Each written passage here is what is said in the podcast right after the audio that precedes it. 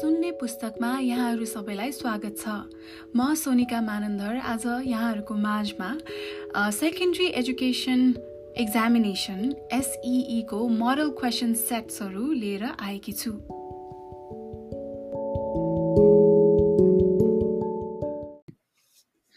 Health population and environment SEE model question set one time two point one five hours full mark seventy five Group A Very short answer questions. Total number of questions in this group is 11 and each question carries 1 marks. Number 1 Mention any one psychological aspect of health, population and environment. Number 2 Write the formula to calculate the population growth rate. Number 3 When was the concept of sustainable development introduced? Number four, write down any one advantage of planting fodder trees in Nepal. Number five, which country of the world has the first rank in SDI? Number six, how many species of birds are found in Nepal?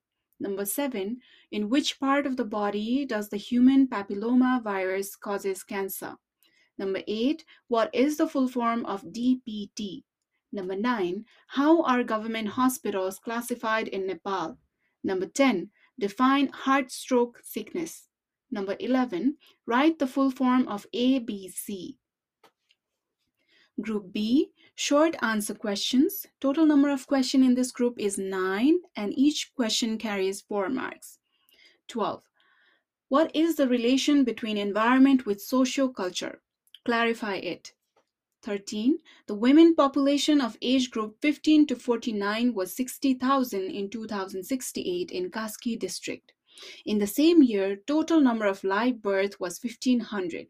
Calculate general fertility rate GFR of that district. 14. Explain any four importance of sustainable development in present time. 15. Describe in the biological aspect of ecosystem of mountain region. 16. Prepare a note, uh, sorry, prepare a short note on marriage at appropriate age for quality of life. 17. Nepal is rich in biodiversity. Illustrate the statement in the context of mountain, hill, and Tarai regions. 18. What is the cause of diabetes? Write any three symptoms of this disease. 19.